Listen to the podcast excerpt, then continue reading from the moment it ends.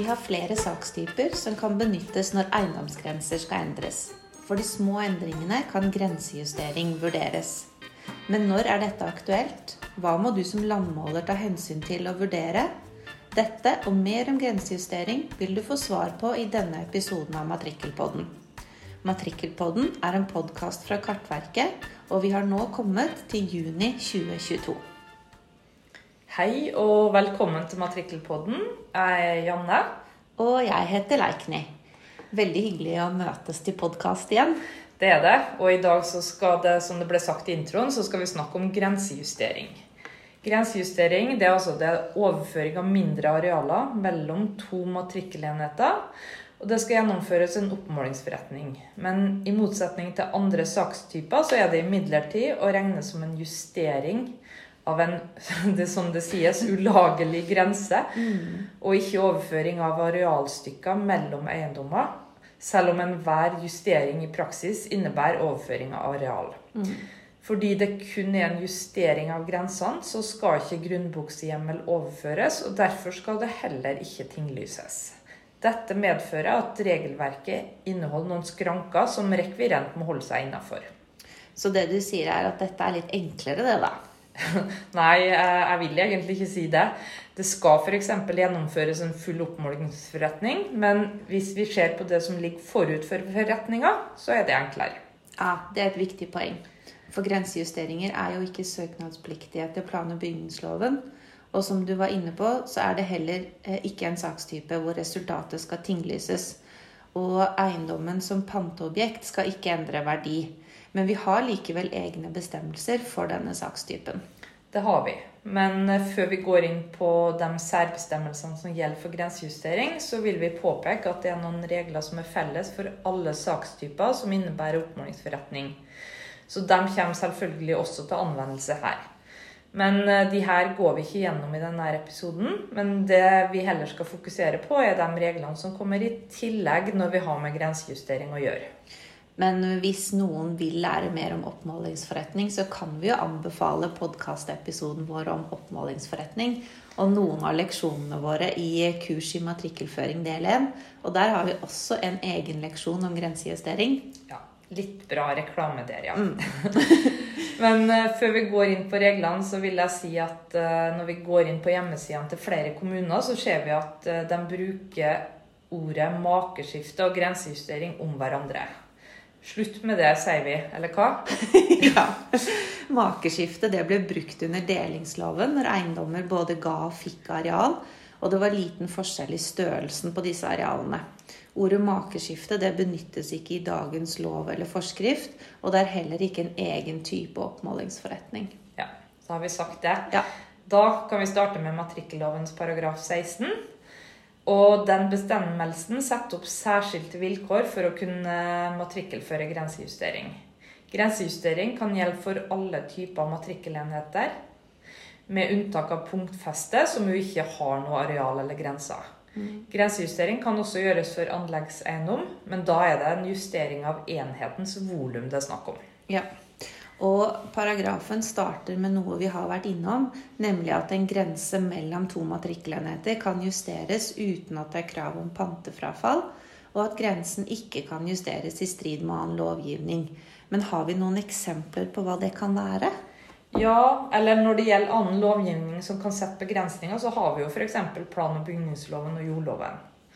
Det er altså slik at det ikke kan gjennomføres en grensejustering hvis endringen fører til at plan- og bygningsloven og eller reguleringsplanens krav til eiendommene ikke lenger er oppfylt. Det betyr at dersom tiltaket skal kunne gjennomføres som grensejustering, så må krav til tomteutnyttelse, uteoppholdsareal, avkjørsler, adkomst og parkering være oppfylt for alle de involverte eiendommene etter endringen. Mm. Det er jo gode eksempler. For det betyr at hvis den ene eiendommen på en måte bryter med reglene etter en justering, så kan ikke justeringen gjennomføres. Mm, det stemmer. Eh, og en annen lov som eh, tiltaket heller ikke må være i strid med, er jordlovens paragraf 12, som fastslår at deling av eiendom som har vært brukt, eller kan brukes til jordbruk eller skogbruk, må godkjennes av kommunen. Også vilkårene om konsesjon for overdragelse av fast eiendom gjelder her. Konsesjonslovens paragraf 15 sier at erverv som krever konsesjon etter konsesjonsloven, ikke kan tinglyses eller matrikkelføres med mindre konsesjon er gitt. Mm. Dette viser vel godt at det er mange forhold kommunen skal vurdere for å finne ut om en slik rekvisisjon og avtale om grensejustering kan gjennomføres.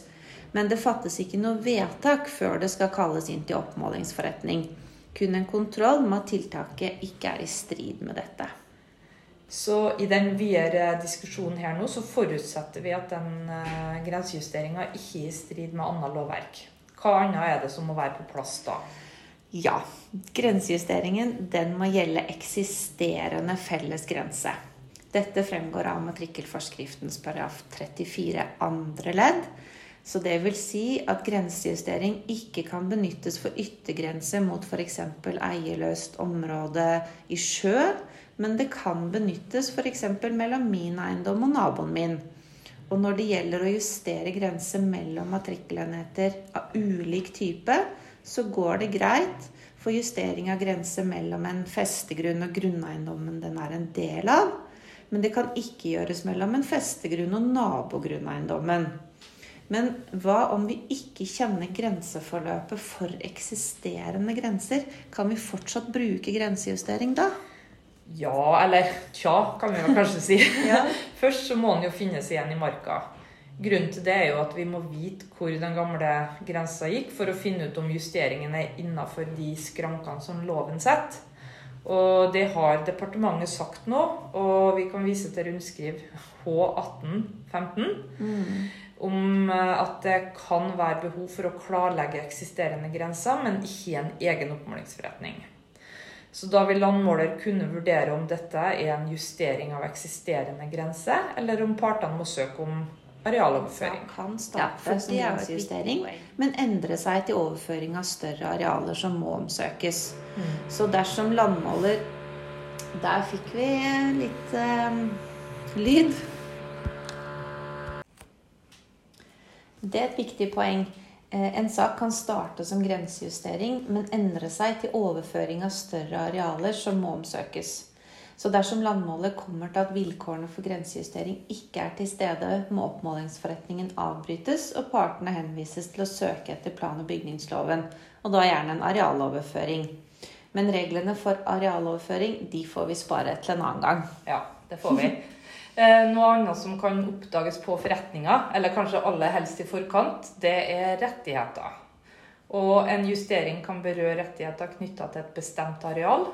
Og også her har departementet kommet med en uttalelse i 2018, og i det samme rundskrivet som vi nevnte i sted. Mm. Og her uttales det at det er viktig sider ved enhver oppmålingsforretning som gjelder grensejustering, å få avklart om justeringen berører rettigheter som eksplisitt er knyttet til en bestemt lokalitet på det arealet som overføres mellom matrikkelenhetene ved justering.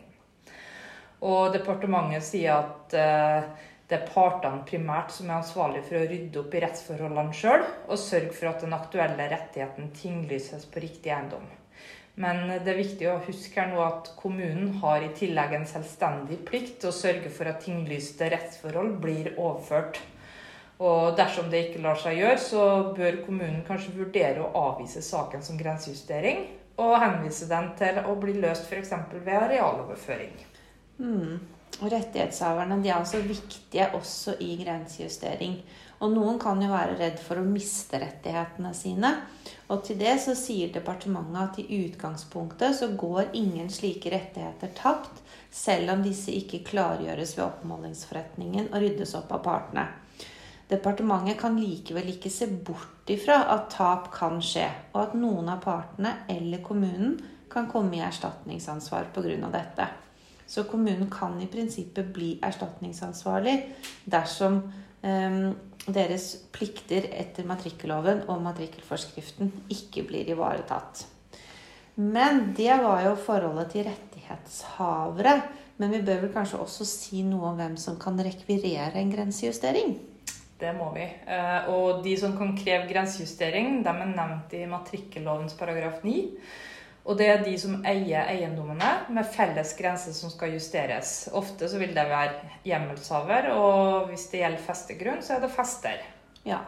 Og så kan det også her gis fullmakt til andre, men da må fullmakten være tydelig på at den som er fullmektig, har adgang til å ta bindende standpunkt til grensejusteringen.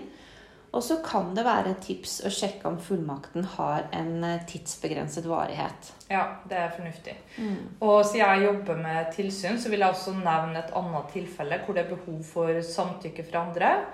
Og det er der hvor hjemmel kun står på den ene av ektefellene eller registrert partner, og matrikkelenheten omfatter felles bolig. Mm.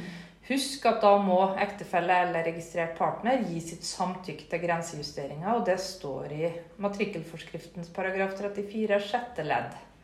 Og så kan man jo stille seg spørsmål om hvordan man skal finne ut om det er en ektefelle eller registrert partner inn i bildet, uten ja. å direkte spørre om det. Mm. Selv om jeg har jo kanskje bare ville spurt direkte. Men mm. Det kan kommunen løse ved å ha et utkast til avtale om grensejustering i protokollen som partene kan skrive under på. Og i den avtalen så kan det være et avkrysningsfelt hvor det stilles spørsmål om det foreligger felles bolig. Og at dersom kun én står som eier, så må ektefelle registrert partner skrive under på dette. Og da har kommunen gjort det de trenger å gjøre. Ja, det er jo greit, da. Ja. Ehm, for så er det jo sånn at Grunnlaget for en grensejustering det er jo gjerne en privatrettslig avtale som enten kan formuleres av partene eller tas inn i protokollen direkte. Og for ved grensejustering så er det samtykke som for ettertiden vil vise partenes disposisjoner. Og da er vi kanskje ferdig med menneskene om å ta for oss arealene og grensene som skal justeres. Ja, for eh, vi er ikke ferdige ennå. Nei, det er vi ikke. For eh, da må vi ha arealregnskap og verdivurdering. Og når det gjelder arealregnskapet, så er det slik navnet tilsier at det skal foreligge et regnskap. Det er ikke nok å si at arealet er innenfor lovens skranker. Arealet for de involverte enhetene det kan økes eller reduseres med inntil 5% av den minste enhetens totale areal og maks 500 kvm.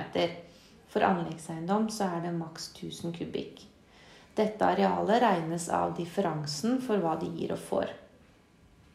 I tillegg er det et krav om at en enhet ikke kan avgi areal som overstiger 20% av enhetens areal før justeringen. Og det vil si at minst 80% av eiendommen må ligge i ro. Det er også viktig å huske på at hvis det har vært gjennomført en grensejustering tidligere, så legges arealene sammen. Ja, og det siste du sa, er nok et punkt som lett kan glemmes. Mm. Løsningen hvis arealene blir for store når tidligere grensejusteringer som er gjort, legges på, er å gjennomføre en annen sakstype, rett og slett. F.eks. arealføring for ett areal. For Da nulles regnskapet ut, og de kan begynne på nytt. Og Det samme skjer hvis det opprettes en ny eiendom. Da vil også regnskapet nulles ut. Ja, Og da er det vel bare ett regnskap igjen, Janne? Ja, det er det. Det er enkelt og greit verdivurdering. Og da snakker vi ikke om salgsverdi på eiendommen, men det må foretas en vurdering.